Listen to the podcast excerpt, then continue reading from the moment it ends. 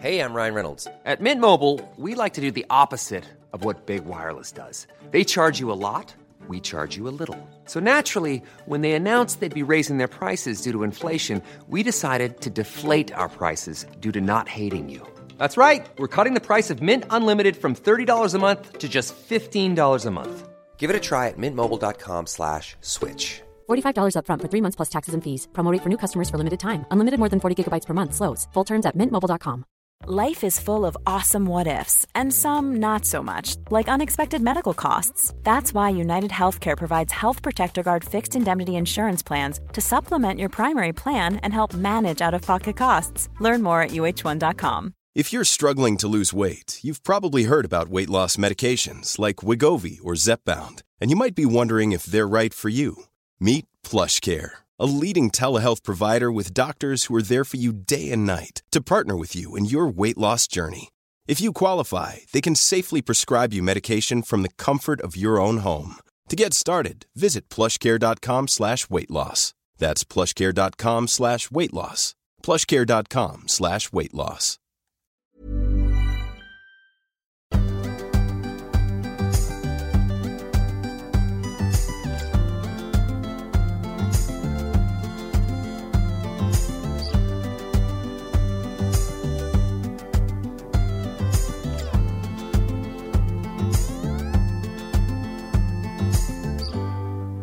Hej och välkomna till podden. Idag handlar det om namn. Varför fick du det namn du fick till exempel? Det har såklart att göra med att vi lever i Sverige, men din kulturella bakgrund påverkar säkert, liksom din klasstillhörighet och dina föräldrars eventuella drivkrafter att ge just dig, du unika varelse, ett helt unikt namn. Allt det här kommer vi att prata om i dagens avsnitt. Jag heter Fritte Fritzson och det här är allt du velat veta.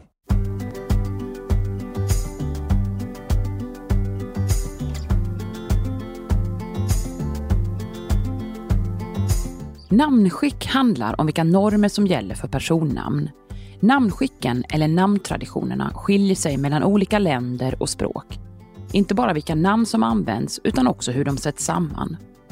Förutom förnamn kan vi ha efternamn, men också föräldranamn, gårdsnamn, bynamn, barnnamn, kastnamn, mellannamn, generationsnamn eller tillnamn baserade på allt från lyten till yrken.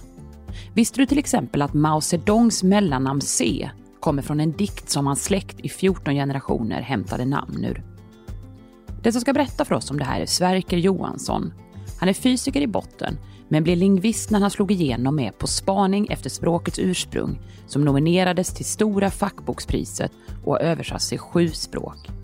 Till vardags är han senior rådgivare vid Högskolan Dalarna och är nu aktuell med Hur var namnet? Namntraditioner från alla tider och platser. Varsågoda! Allt vi velat veta om namntraditioner med Sverker Johansson. Hej, Lars Sverker Johansson. Välkommen till podden. Tack. Eh, Nu presenterar jag med ditt fullständiga namn. Hur kändes det?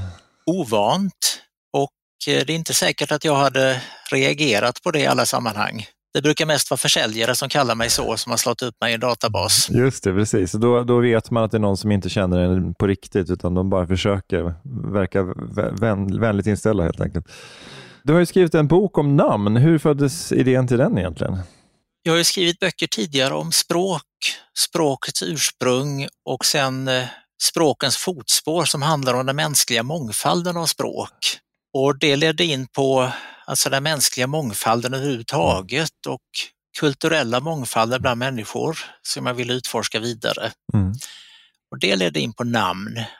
Så skärningen mellan kulturer och språk och människors myller på jorden. Mm. Och mångfald, det kan man ju verkligen tala om när det gäller namnskick också. Och det kommer vi komma in på lite senare. Du, du funderar ju en del i boken på hur länge vi eventuellt kan ha haft namn.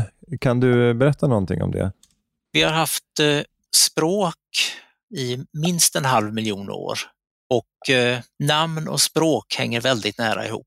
Det är svårt att föreställa sig det ena utan det andra. Mm. Du resonerar också lite grann kring det här med om man då eh, sätter människor i en situation där de på något sätt måste börja kommunicera med varandra, att det kanske då det uppstår någon slags namngivningsrutiner eh, där. Att det, det ligger så, så implicit i vad det innebär att vara människa och kommunicera med andra på något sätt. Ja, vi kommunicerar med, med andra, vi kommunicerar om andra. Och så snart vi kommunicerar med andra om andra så behöver vi sätt att kunna benämna de vi talar om. Ja, det blir så jobbigt att säga eh, hon den där hela tiden. Ja. ja, så då blir det hon den där med röda klänningen och, eller, och så vidare och sen så, så blir det mer och mer eh, detaljerat. Precis. Om vi tittar på det historiskt då, vilka är de tidigaste historiska bevisen på namn? Tidigaste direkta bevisen det finns alltså så snart vi har skriftliga källor överhuvudtaget. Och då pratar vi gamla sumerer och egyptier för 5000 år sedan ungefär. Det fanns namn med liksom i de allra tidigaste dokumenten. Det finns eh, någon tidig farao vars namn vi inte kan uttala men det, det skrevs med en hieroglyf som ser ut som en skorpion.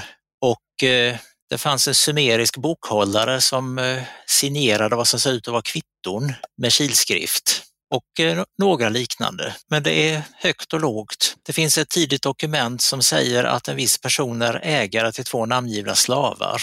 Så eh, drygt 5000 år direkta belägg för namn. Mm. Sen kan vi se språkliga belägg för att vi har haft namn mycket längre än så. Att själva ordet namn är betydligt äldre. Det går tillbaka till de indoeuropeiska språkens rötter. Så att eh, svenska och sanskrit och latin och hetitiska och många andra språk alltså delar samma ord för namn. Men där är ju fascinerande, men då finns det någon ur-indoeuropeiska då, där liksom, dit man kan härleda de här olika orden som, för namn som vi har i de olika språken. Då. Precis. Och det betyder att urindopeerna, hade de ett ord för namn så hade de nog namn också. ja, men det, det tycker jag ändå är en indiciekedja som, som får räcka för att vi ska kunna konstatera att vi, vi har haft namn väldigt länge i alla fall. Du skriver också om hur det ligger till i djurens värld. Finns det några djur som har något som liknar namn? Alltså schimpanser eh, fattar grejer med namn men eh, de bryr sig inte. De namnger inte varandra. Förmodligen för att de talar inte om varandra. Men eh, delfiner har något namnliknande. Delfiner tjattrar och visslar till varann och de benämner varandra. Varje delfin har en liten signaturmelodi som eh, används lite som ett namn, inte riktigt. Men eh, det är en benämning för just den delfinen. Och är det bara den själv som använder den eller kan andra använda det också? då? Andra kan använda det liksom för att kalla på den. Ja. Men eh, till skillnad från människor så använder de mycket namnen själva. Det är sällan vi säger våra egna namn faktiskt. det är sällan vi går runt på stan och skriker så här, Fritte, Fritte, Fritte, Fritte. Ja, Ja. men det är ett sätt för dem att hålla reda på var är, var är alla i flocken. Fascinerande. Eh, vilka är de vanligaste förutfattade meningarna om namn skulle du säga? Den vanligaste förutfattade meningen det är att eh, alla människor har namn som fungerar ungefär som mitt. Även om själva namnen är annorlunda så, så funkar de på samma sätt. Det är den vanligaste förutfattade meningen. Och så är det långt ifrån. Så är det väldigt långt ifrån. Det finns inte två kulturer som, där namn fungerar exakt likadant. Du behöver inte åka längre än till Danmark för att hitta skillnader. Men om vi börjar bryta ner det där då, om vi börjar med namnens indelning. För och efternamn är ju ett extremt enkelt sätt att dela in det på, men du visar ju att det finns betydligt rikare flora av olika sätt eh, att sätta samman namn på. Ja, och även det pusslet är ju knappt två som gör likadant. Vi har för och efternamn, men eh, förnamn det är nära universellt. Det finns ingen kultur som inte använder förnamn. Det finns individer som inte använder det. Men alla kulturer har förnamn. En del kulturer har bara förnamn, inga efternamn. Men eh, större, större samhällen, där behöver man, man mer än bara förnamn. Och det kan man göra med efternamn som vi gör. Ett namn som liksom hänger med familjen. Man kan göra det med klannamn som hänger med familjen på ett annat sätt. Man kan göra det med föräldranamn, så att man är son till sin far eller dotter till sin mor. Det är det som kallas för patronymikon. Ja, eller metronymikon för modern. ja. Det som används på Island. Man kan göra det med tillnamn av olika slag. Gårdsnamn har ju en lång tradition i svensk historia. Speciellt i Dalarna då, där du bor. Ja, Ja. där är det fortfarande ett levande bruk tillsammans med efternamn och eh, framför förnamnet. Som Nygårds Anna till exempel, det är ett, ett, ett exempel Precis. på det. Som är kanske det mest kända, men det finns ju massa sådana. Men det här med förnamn är ju inte alltid ett förnamn på det sättet, för att i, i vissa asiatiska kulturer så kommer efternamnet efter familjenamnet. Ja, visst, jag har inte ens börjat på ordningsföljden mellan alla dessa. Nej, ska vi gå in på det då? För det, där finns ju alla kombinationer. Det är alltså förnamn, det är synd att vi har den benämningen på det. För det är inte alls först överallt. Det kan vara först, som det är hos de flesta i Sverige, eller sist, som det är i Kina, eller i mitten, som det är då i Dalarna, med gårdsnamn för, för och efternamn efter. Och eh, det går att pussla på alla möjliga håll. Och alla de här olika andra varianterna går också att blanda och ge i ordningen. Varje kultur har sina regler. Men om vi kikar lite på efternamn då, för att jag, jag heter ju Fritzson i efternamn och det är ju, jag är liksom den, den sista i, i, min släkt som har det här patronymikonet för att min eh, pappa, alltså min farfar hette Fritz eh, och min pappa och hans bröder tog då namnet Fritzson. Eh, och Det har liksom så funkat då så här, sen, jag utgår från att det har funkat så sen, ja, sen medeltiden i princip. Det var ju sen medeltiden så att man tog patronymikon efter sin pappa och eh, om Anders fick en son så fick sonen heta Andersson. Och om sonen då hette Nils Andersson så fick uh, sonsönerna heta Nilsson och så gick det runt så. Mm. Sen bröts det, det påbjöds, ja, uppmuntrades från 1800-talet och påbjöds formellt under 1900-talet att man skulle ha efternamn istället som då inte skiftar varje generation utan är fasta. Och folk fortsatte med det de råkade ha. Så att eh, var man son till Johan och hette Johansson i patronymikon då när påbudet kom så fick barnen fortsätta att heta Johansson efter det. Vet du varför eh, det här påbudet kom? Vad var det man ville uppnå genom att man inte skulle fortsätta med patronymikon? Då? Stabilitet Eh, det ska vara lättare för eh, myndigheter i allmänhet och väl Skatteverket i synnerhet att hålla reda på folk, hålla reda på vilka som hör till samma familj. För det var, man heter någon Anders Nilsson och det finns 17 Nils i byn, vem är det som är pappa? Ja, just det. Å andra sidan, om det, heter, om det finns 17 Andersson eh, så är det kanske då svårt att veta. Ja, det hjälper inte heller. Nej. Men eh, det var åtminstone ett försök att styra upp det. Men det är intressant då, för i min familj har, har man uppenbarligen då eh, alltså motarbetat det här in i modern tid, så in på 60-talet åtminstone. Vet du liksom om det var så i olika landsändar att det var vanligare då att man fortsatte med patronymikon? Eller? Ja, det skilde sig både geografiskt och socialt. Och det var framförallt alltså, bönder som fortsatte med patronymikon länge. Ja, det stämmer ju med min familj, för det är bara bönder kan man säga. ja, Okej. Okay. Och det var väl eh, kring 60 som det blev alltså förbjudet att använda patronymikon ett tag. Men nu är det åter tillåtet, eller hur? Ja, det ändrades tillbaka för bara ett par år sedan. Mm. Eh, ett annat spännande efternamnsform i svenskan det är de här gamla knäktnamnen eller soldatnamnen. Kan du berätta någonting om dem? Ja, och de är ju då inte efternamn från början utan det man kallar tillnamn. Ett namn som man liksom lägger till för att särskilja folk, som kan beskriva någon egenskap eller något annat. Och eh, militären, de tröttnade ju snabbt på att ha för många Anders Nilsson i samma kompani. Så att eh, under indelningsverkets tid så gav man då soldater soldatnamn, inte efternamn, utan ett extra namn som man just fick använda i det militära. Ungefär som när jag gjorde lumpen fick man ett nummer och eh, på den tiden när Raskens gjorde sin militära karriär, för de som kommer ihåg den romanen och tv-serien, så tilldelade soldaterna ett adjektiv var det oftast istället. Och de flesta är då, eh, ska vi säga militärt användbara adjektiv. Rask och stark och frisk och modig och så vidare. Typiska soldatnamn. Och sen eh, de namnen de tillhörde ju soldaten själv och gick inte i arv. Men så kom det här påbudet om att alla skulle ha efternamn och de som råkade vara soldater då, de fick ju göra precis som Johanssönerna och ta det de hade. Och därför är det ganska många idag som heter Rask i efternamn. Mm. Jag har ju kompisar som både heter Sköld och Hurtig och Tapper. Jag utgår från att det är gamla soldatnamn. Det är väldigt uppenbara soldatnamn, ja. ja. Sen finns det också Fager och Lustig och liknande som inte är lika uppenbara men som väl också har soldatrötter. Jag tänker Mild är väl också, eh, låter som ett sånt namn. Ja, de flesta adjektivnamn på svenska lär vara soldatnamn. Mm. Ska vi göra ett par nedslag i eh, några andra namnskickstraditioner? Om vi börjar med de gamla romarna, hur namngav de egentligen? Romarriket eh, levde ju i över tusen år och det hann hända saker på vägen i tidernas gryning så hade väl romarna förnamn bara precis som alla andra.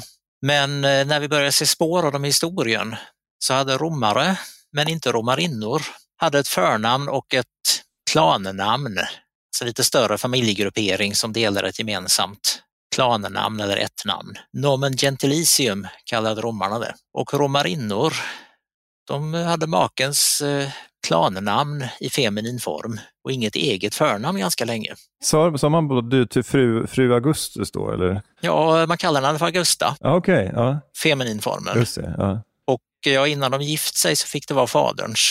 Det var väl ingen som väntade sig jämställdhet i traditionella namnskick. Nej, men det, är- det, det är intressant. Och sen hade man ett rätt speciellt sätt att döpa barnen på också vet jag, med, med, med nummerserier. Ja, och det växte väl fram från döttrarna framför allt. För fick man då flera så fick de heta, den första fick heta Augusta Major, Augusta Menor, den större och den mindre. Och sen fortsatte med Augusta Tertia, den tredje och den fjärde, femte och så vidare. Sen började det användas som förnamn i egen rätt även för herrar. Den åttonde pojken kunde få heta Octavius. Just det, och det känner vi till från en kejsare som, som hette Octavius. Primus, Tertius och sådär. Ja, visst. Septimus Severus var ju kejsare ett tag. Han var den sjunde. Ja. Men det är intressant för man känner ju romarna som en väldigt eh, så här, eh, administrativt skicklig eh, kultur och det är på något sätt återspeglas i hur de rätt logiskt och byråkratiskt delar in folk med, med namn också. Ja, men samtidigt så soppade de till det också. Okej, Alltså de här klanerna blev större och större och efternamnen var ganska, eller förnamnen var ganska få och det funkade ju väldigt dåligt för kvinnor. Så snart började man lägga till då tillnamn, ungefär som soldatnamnen, men då alltså med någon sorts egenskap. Och eh, oftare kallas han väl Cicero på svenska, men eh, korrekt latin är väl snarare Cicero, Mm. den kände romerska retorikern. Och det var ju hans tillnamn. Marcus Tullius Cicero. Och under liksom, den romerska republikens storhetstid var det kutym att man hade sitt förnamn och sitt klannamn och sitt tillnamn och oftast tilltalades med tillnamnet. Sen var det också väldigt vanligt att adoptera folk för att rätt människa ska ärva och då fick adoptivbarnet lägga till adoptivförälderns, faderns, ibland fulla namn i sitt tillnamn. Sen kunde det vara flera generationer av adoptiv och eh, då kunde det bli långa haranger där i mitten. Tittar man på kejsarnamn, kejsarna använde det här ganska mycket för att få liksom rätt arvinge och det kunde bli långa haranger. Så att romerska namn under kejsartiden var komplicerade och det är en soppa att se liksom vilken del av namnet är egentligen vilken. just det. Vad heter människan? Och så småningom så tröttnade man väl på det och hittade på en ny sorts tillnamn som ersatte hela harangen. Mm. Caligula heter ju egentligen en lång harang med namn, men eh, han kallades bara Caligula, som alltså är ett smeknamn han fick som liten. Det lär betyda små stövlar. Och sen fortsatte romarna officiellt hette de harangen, men eh, man använde normalt bara tillnamnet. Ja, men det, det, kan, det kan jag förstå att man, man, eh, det, det blir så otympligt att man, man på något sätt till slut måste förenkla. Det finns en, eh, en, ett folk som heter Akan-folket i Ghana som har ett rätt spännande sätt att ge barn eh, förnamn på. Hur gör de egentligen? Ja, spännande och spännande. Det är lite horoskop över det. Ja, ja men det kan väl vara spännande? Ja, de går efter vilken veckodag barnet föds. Och eh, så finns det för varje veckodag så finns det en lista, men det finns en lista med måndagsnamn och tisdagsnamn och så vidare traditionellt. Och de är ihopkopplade med egenskaper så att måndagsbarn förväntas vara lugna och snälla och tisdagsbarn har andra egenskaper och så vidare för alla veckans dagar. Och det är tradition att använda dagens namn. Och där finns ju andra spännande traditioner. Just det, kan du inte berätta lite om det? Ja, jag skulle ta upp ett grannfolk då, Dagomba. Ja, deras namngivning är ganska nära ihopkopplad med deras religion, eller deras traditionella religion och deras, ska vi säga, relationer med andevärlden. Och ett bekymmer för Dagomba-föräldrar det är om de har otur med relationerna med, and med andarna och det finns andar som har onda anslag mot familjen, vilket i deras värld händer ganska ofta. Så ska de vara väldigt försiktiga när de ger barnet namn och eh, har en speciell ceremoni för att ska vi säga, kollra bort andarna och framförallt för att få andarna att tro att det här barnet är inte viktigt för föräldrarna. Andarna kan inte skada föräldrarna genom barnet. Och det är alltså en ceremoni istället för att på vanligt sätt döpa barnet.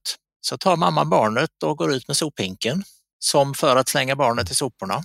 Råkar då möta en främling på gatan utanför, naturligtvis av ren tillfällighet, och eh, främlingen erbjuder sig att köpa barnet istället för att det ska slängas och ger mamman en symbolisk slant. Sen får ju mamman tillbaka barnet och går in och namnger det efter främlingen, Ah, okej. efter främlingens stam. Just det, okej. Och då har, har man liksom kamouflerat barnet för andarna. Intressant. varianter av det här, inte på det sättet, men just det här att eh, ge barnet namn på ett sätt som ska skydda barnet mot onda anslag. Det är ganska vanligt i världen. Mm. Det här är ganska som ett handfast och drastiskt sätt som Dagomba gör. Men ett sätt det är att eh, vad ska vi säga, ge barnet kärlekslösa namn. Att döpa barnet till dum eller äcklig eller jag hatar dig eller något sånt, det, det gör många kulturer. Men är det bara med namn som barnen får dras med då också? Eller byter man då sen? Eller? De får nog dras med dem som officiella namn, men eh, har säkert andra smeknamn. Mm.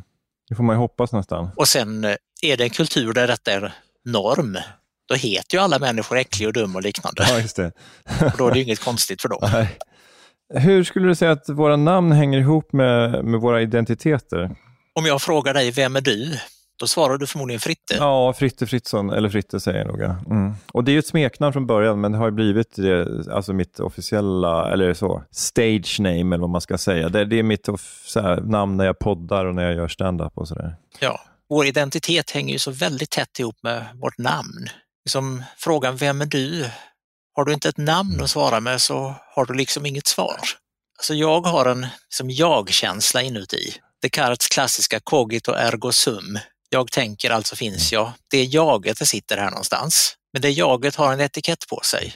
Och eh, om jag ska beskriva vem är jag, då är det etiketten som kommer först. Det är liksom rubriken för CVet.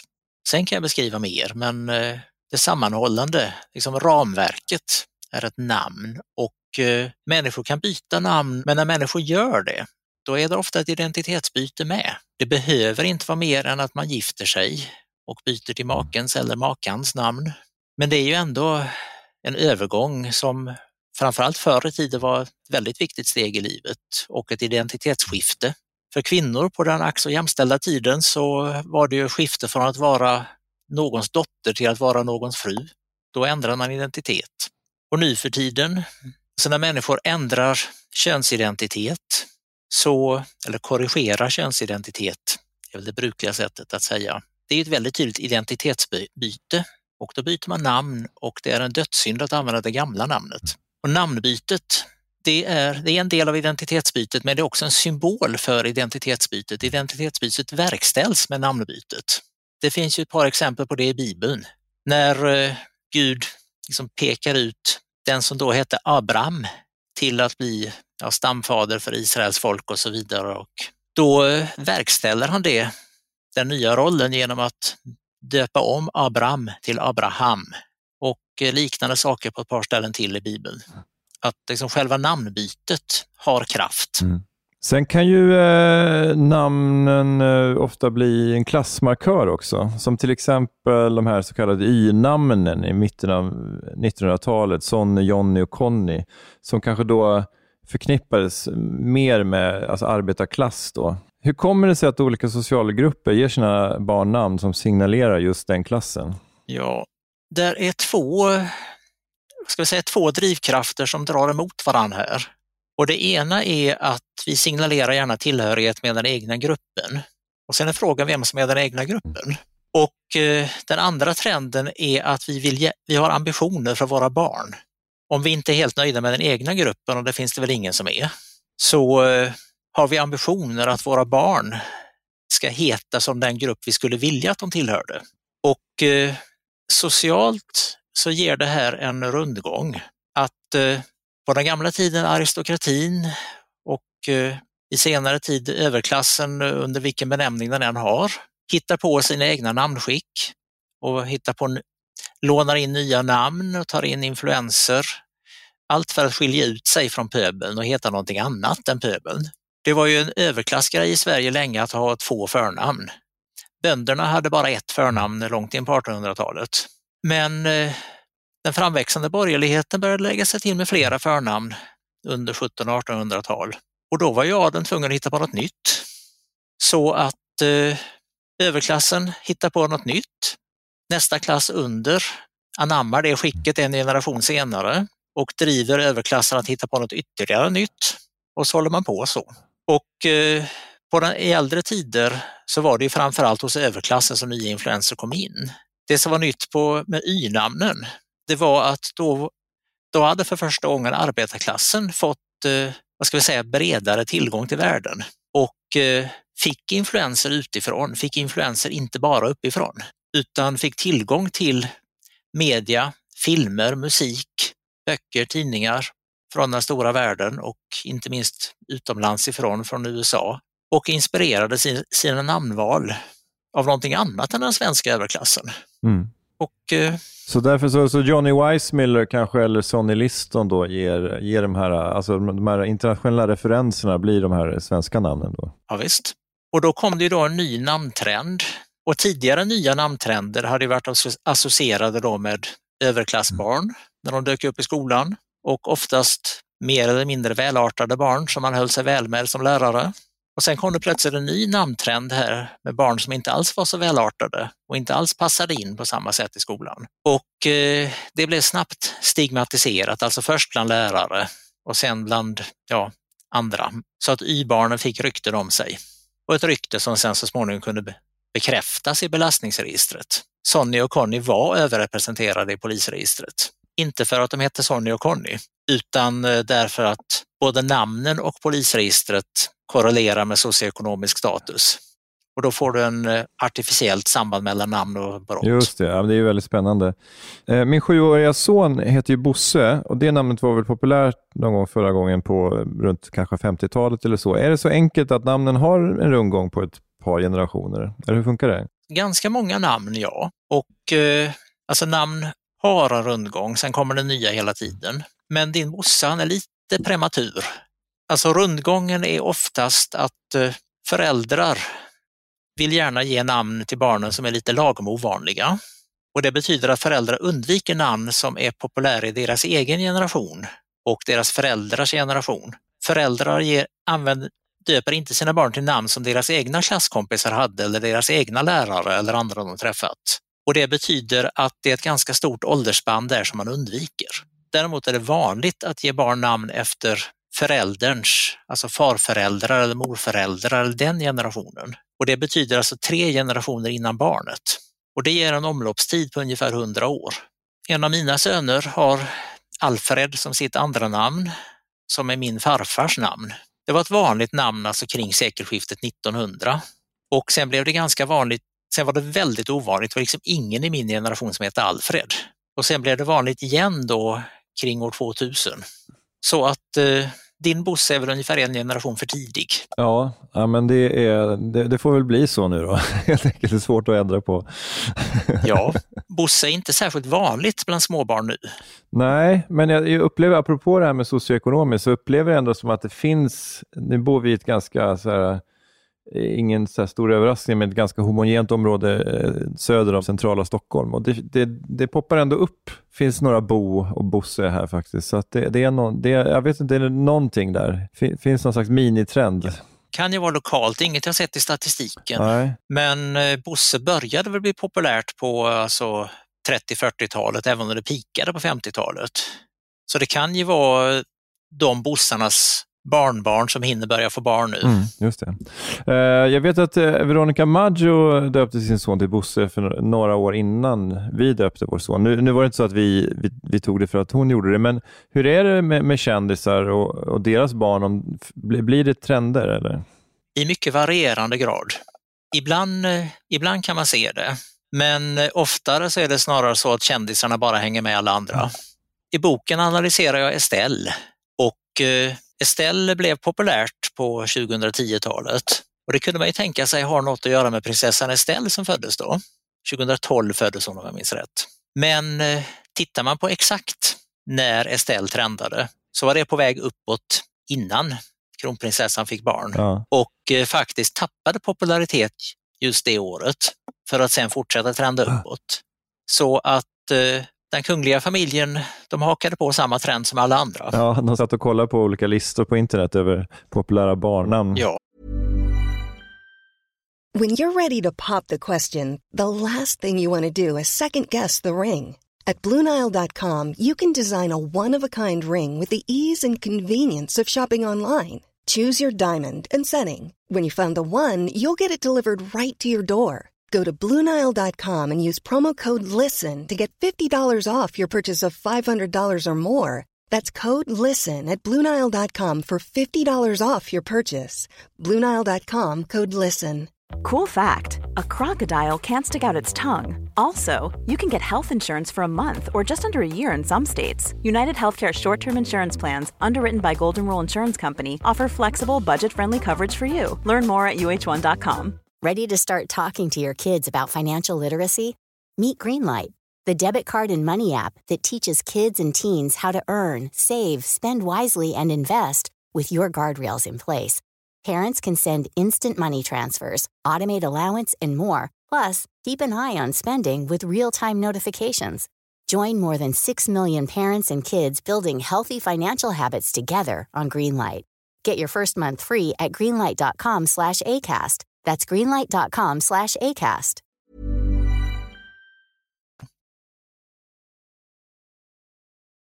Namn kan ju vara en, ett maktmedel. Det finns en hel del exempel i din bok där människor använt namngivning som någon typ av maktutövning. Det har människor med makt gjort länge, framförallt när de då har mött människor utan makt och haft människor under sig som har haft annat namnskick. Och då tänker vi eh, alltså slavägare som köper slavar som heter någonting som slavägaren tycker är jobbigt, exotiskt och svårt att uttala. Då, eh, då ger slavägaren ett bekvämare namn till slaven. Så att eh, Onkel Tom i den eh, boken hette säkert någonting afrikanskt från början, som jag inte minns om det står i boken. Men eh, det var ju ingen slavägare som orkade lära sig det, utan han fick heta Tom. Enkelt och bekvämt. Mm. Så man berövade folk deras identitet på något sätt med, genom att eh, ta deras namn och, och, byta över huvudet på dem helt enkelt. Ja, mm. och jag tror det var alltså lika delar ren bekvämlighet för Herren Både slavägare och imperialister och många andra har gjort likadant. Och ibland var det alltså ett, också som ett rent maktmedel att beröva folk deras identitet, deras kultur, deras språk. Vi behöver inte gå så långt bort. Det räcker att gå till Norrland för 50 eller 100 år sedan. Så eh, svenska staten, ska vi säga, uppmuntrade inte samisk kultur. Utan eh, det var ju under lång tid som eh, så samiska namn helt enkelt inte fördes in i den svenska folkbokföringen samer som kom med sina nyfödda till kyrkan och döpte dem. Prästen skrev inte in dem med de samiska namnen utan skrev in ett svenskt namn istället. I bästa fall något som liknade det samiska namnet. Och det var ju ett systematiskt led att undertrycka samisk kultur och samisk tradition som höll på långt in på 1900-talet. I vår del av världen så är det så att föräldrarna namnger barnet strax efter födseln. Eh, men eh, måste det vara så? Finns det kulturer som gör annorlunda? Ja, i de flesta kulturer är det familjen i någon mening. Men det kan vara en större familjekrets än bara föräldrarna. Och Det kan mycket väl vara klanens överhuvud eller liknande. Och Det är också vanligt att blanda in eh, alltså, den lokala religionen, präster, shamaner. Och det har väl hänt att eh, även svenska föräldrar rådfrågar den lokala byprästen. Det är inte bara föräldrarnas inflytande som gjorde att kristna namn väldigt snabbt blev populära i Sverige under tidig medeltid. Men huvudregel är alltså familjen. Sen, finns, sen kan ju också myndigheter styra upp det hela med varierande handfasthet. Men du, apropå det då, vad, vad får man egentligen heta och inte heta i Sverige idag? Förnamn får man heta, vad ska vi säga, nästan vad som helst som inte har efternamnskaraktär och som inte är stötande eller kan ge barnet problem. Så att eh, jag hade inte fått döpa mina barn till Andersson i förnamn. Och eh, alltså rena fula ord får man inte heller ge, ge som förnamn. Det har varit en, en del eh, juridiska strider kring varumärken. Folk som har vet, velat döpa en, en son till Ford. Nu ska vi se, Ford fick nej i första instans men eh, vann vid överklagande det är skillnad på kanske Ford och Melitta på det sättet, för Melitta är ju så otroligt eh, associerat med just varumärket Melitta, men, men Ford är ju, jag tänker från början så det betyder väl vadställe egentligen eh, på, på engelska, så att det, ja. det, det, är ett namn, eller det är ett ord som har alltså, så många olika alltså, beröringspunkter, så det kanske är lite annorlunda på det sättet. Ja, och det är ju efternamnet på alltså bilfabriksgrundaren. Så det kunde ha fallit på efternamnskaraktär också. Just det. Och sen, men i engelska språket så är det rätt vanligt med att eh, efternamn och förnamn kan, kan byta plats, eller det kanske är vanligare än i svenskan. Ja, det är många eh, engelska förnamn som har varit efternamn från början, vilket man alltså inte får i Sverige. I Sverige så kallar vi den eh, frankiske kungen Charlemagne för Karl den store. När är det okej okay och inte att översätta namn egentligen? Alltså namn på en viss person som eh, vi översätter liksom som benämning på den personen. Det är egentligen bara gångbart på som historiska personer, gamla kungar och liknande. Det gör du aldrig för levande personer. Eller det är oförskämt att göra det på levande personer. Den nuvarande engelske kungen Charles, det skulle inte falla oss in att kalla honom för Karl den tredje. Mm. Men när det gäller historiska kungar så gör vi det för att man gjorde det då, då eller? Ja, ja. och för att det är liksom etablerat på svenska. Men däremot när vi lånar namn för att ge dem till en ny person, då anpassar vi namnen. Så att det svenska namnet Maria, det är ju hebreiska från början, men det uttalas absolut inte Maria på hebreiska, utan det stavas på hebreiska MRM och jag ska inte svära på hur det uttalas, men det är väl någonting mer liknande Miriam. Mm. Men det är väl det som är intressant med hebreiskan också, att det är att ibland så vet vi inte eh, hur det ska uttalas eller det finns flera former. Jag tänker på det gamla Javé och Jehova som är en klassiker. Ja, visst. Men det är lite speciellt för det var och är ett heligt namn som man inte ska uttala och då föll uttalet bort ur glömskan. Mariam har ju varit ett levande namn väldigt länge, så där vet man i princip hur det uttalas och hebreisktalarna använder fortfarande namnet i som originalform, även om jag inte kan hebreiska. Men när det lånades till Europa då med kristendomen så eh, masserades och knådades namnen för att passa in i liksom, språkljuden i de olika europeiska språken. Det blev Maria på många språk, men eh, Mary på engelska och Marie på franska och så vidare. Men det är väl egentligen rätt naturligt att, att, eh, att ord förändras och att också namn förändras utifrån vilket språk man talar. Och det, det, olika språk har också inneboende alltså möjligheter att, att uttala olika ljud och sådär. Så det, det, är inte så konstigt egentligen. Ja, så när man ger namnen till nya personer, döper ett barn till ett namn som är lånat, då är det inget konstigt. Däremot om det kommer hit en människa med vidhängande namn och namnet är svårt att hantera på svenska, hur ska vi bemöta den personen? Det möter jag och möter förmodligen du också ganska ofta personer vars namn, ska vi säga, inte är helt självklara för oss hur vi ska uttala dem. Tvärtom, när jag är utomlands, det finns många länder där Sverker är svårt att uttala. Mm. Och hur pass eh, stött ska jag bli om någon försöker att misslyckas? Det är liksom inte att begära att alla, alltså tjänstemän, lärare och andra som möter många människor i sitt jobb ska kunna liksom, alla världens uttal av alla världens namn. Utan eh, jag ser mer att man får gå efter den goda viljan och eh, vara liksom ömsesidigt generös. Att liksom, jag som möter ett nytt namn får eh, liksom acceptera att namn ser väldigt olika ut och eh, inte tycka det är konstigt eller rynka på näsan utan göra mitt bästa. Och om den andra personen, om jag kan kommunicera till den andra personen att jag gör mitt bästa även om det blir fel, så borde man kunna mötas. Ja, men det låter väl som en bra utgångspunkt att, att, att eh, bedöma människans intention i första hand. Ja, och bemöta varandras namn respektfullt. Inte liksom säga, hur ska det där uttalas egentligen? Men man, det kan man väl också, den frågan kan man väl ställa på ett hövligt sätt också, tänker jag, om man nu faktiskt är intresserad. Ja, den frågan kan man ställa på ett hövligt mm. sätt. Man kan till exempel försöka uttala och fråga, fick jag det där rätt? Mm. Men då är man hövlig från den sidan så får man vara hövlig tillbaka mm. också och liksom inte ta anstöt av att det där vietnamesiska namnet inte fick rätt, mm. att jag inte fick rätt tonträff på de sju tonerna. Det låter nästan som en omöjlighet för en, för en eh, person uppväxt i Sverige. Och vice versa. Just det, såklart. Om vi ska försöka extrapolera in i framtiden, då, hur tror du att vi kommer eh, tänka kring namn? Kommer vi bli friare i vårt sätt att namnge våra barn? Ja, det tror jag. Och eh, framförallt, vi får mer och mer influenser. Vi får en mer och mer globaliserad värld och vi möter många fler namn och många fler olika namnskick. Fler och fler människor får upp ögonen för vilken mångfald av namn det finns i världen. Så för länge sedan i det gamla bondesamhället så dels så var man inte särskilt fri. Mm. Både traditionen och familjen och kyrkan och andra hade starka åsikter om vilka namn som gick för sig men också för att eh, alltså de namn man stötte på, det var ju helt enkelt det var andra som hette mm. Anders och Nils och Lisa och eh, Märta och så vidare och man mötte inte fler namn än så. och då är det svårt att ge fler namn. Om man inte skulle hitta på alldeles själv och det gjorde man inte gärna. Mm. Nu för tiden möter folk tusentals olika namn. Föräldrar av alla samhällsklasser har en inblick i vilken mångfald av namn det finns. Det har redan accelererat alltså spridningen i namnfloran. Men tror du att vi kommer våga döpa våra barn utanför vårt eget kulturområde? Att vi eh, döper våra barn till Ping eller eh, Mohammed, eh, även om vi har en svensk bakgrund till exempel? Där behöver vi tänka på namnens alltså signalvärde. Vad vill vi signalera med vårt, det vi döper våra barn till? Du tänkte någonting när du döpte din son till Bosse och jag tänkte någonting när jag döpte min son till Faramir. Du är intresserad av Lord of the Rings helt enkelt? Ja, och jag, jag skämdes inte för det utan eh, hade ingenting emot att det syntes. Och eh, hela tiden när vi hör någons namn, vi tolkar in saker i namnet, vi tolkar saker om personen.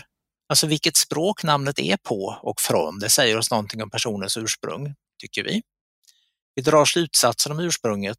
Möter vi någon som heter Mohammed så drar vi slutsatsen att vederbörande är muslim oavsett vad vederbörande faktiskt tror på. Och eh, vill jag som förälder signalera att mitt barn är muslim även om jag själv inte är det? Det är inte helt självklart. En del vill det nog och en del vill det inte. Det kom ju en bok för några år sedan som skapade två begrepp som har använts rätt mycket i debatten. På svenska, någonstansare och var som helstare. Mm. Det här med människor, å ena sidan någonstansare som är liksom rotade på en viss plats mm. och känner sig fast hemma i en viss kultur och å andra sidan var som helstare, kosmopoliter som kan flytta runt i världen och eh, hör hemma i den liksom globaliserade mångfalden och inte har rötter någon speciell stans. Det låter lite grann som det här uh, gamla Ferdinand Tönis-begreppen uh, Gemeinschaft och Gesellschaft. Det är lite samma andas barn. Jag tror de två grupperna av föräldrar kommer att döpa sina barn väldigt olika och förmodligen gör det redan. Så var som hälstarna kanske lutar mer åt Ping och någonstansarna mer åt Anders? Ja. Den här podden heter ju Allt du velat veta. Har du något ämne utanför ditt eget forskningsfält och din egen expertis som du är nyfiken på och som du tänker att det här kanske kan bli ett bra avsnitt? Ja, det jag tänker på som har varit i debatten en del på sistone det är artificiell intelligens. Och eh, då tänker jag inte bara på den här vad ska vi säga, inte särskilt intelligenta ChatGPT som det varit så mycket hallå om. Men eh, alltså vad, vad, kan det bli av det? Var är artificiell intelligens på väg? När kan det bli intelligent i någon vettig mening? Men eh, det är ju, är ju, ett ämne som ständigt är på tapeten och som folk verkligen eh, tror jag vill, vill höra mer om, var, var forskningens frontlinje ligger idag. Så det, det tar vi med oss, ett jättebra eh, förslag på avsnitt. Sverker Johansson, tack snälla för att du ville vara med i Allt vill att veta. Ja, tack så mycket. Det var roligt.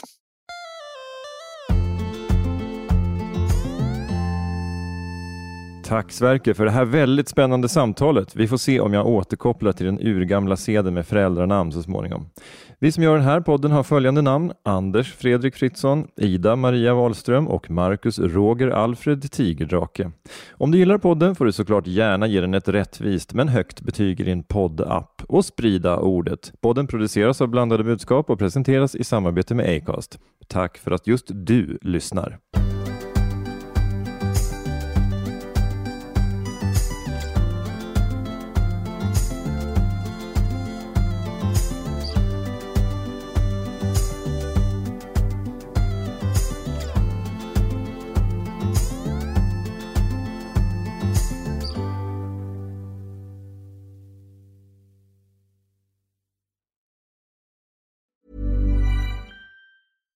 Hello, this is Danny Pellegrino, host of the Everything Iconic podcast, and I'm here to tell you all about Splash Refresher because hydration is mandatory, but boring is not. Now, I love my water, but if I don't spice it up, I'm not going to finish what I took out of the fridge. That's why I love my Splash Refresher, which is flavorful, delicious, bright, hydrating, and zero calories. The wild berry flavor is my fave.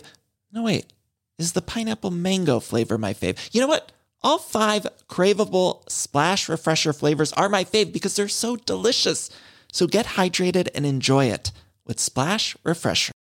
Imagine the softest sheets you've ever felt. Now imagine them getting even softer over time. That's what you'll feel with Bowl and Branch's organic cotton sheets. In a recent customer survey, 96% replied that Bowl and Branch sheets get softer with every wash. Start getting your best night's sleep in these sheets that get softer and softer for years to come. Try their sheets with a 30-night guarantee. Plus, get 15% off your first order at bowlandbranch.com. Code BUTTERY. Exclusions apply. See site for details. ACAST powers the world's best podcasts. Here's a show that we recommend. The Real Housewives is a guilty pleasure for most, but if you're looking to not feel guilty about that pleasure, tune in to Everything Iconic with me, Danny Pellegrino, where I break down all the messy moments and behind the scenes antics of Bravo's popular franchise. And on Everything Iconic, I also interview celebrity guests like Kelly Ripa, Kiki Palmer, Drew Barrymore, Cameron Diaz, and more about their guilty pleasures, their past work, and so much more. So if you're pop culture obsessed and find yourself watching way too much reality TV like me, tune in to Everything Iconic with Danny Pellegrino wherever you listen to podcasts. ACAST helps creators launch, grow, and monetize their podcasts everywhere. ACAST.com.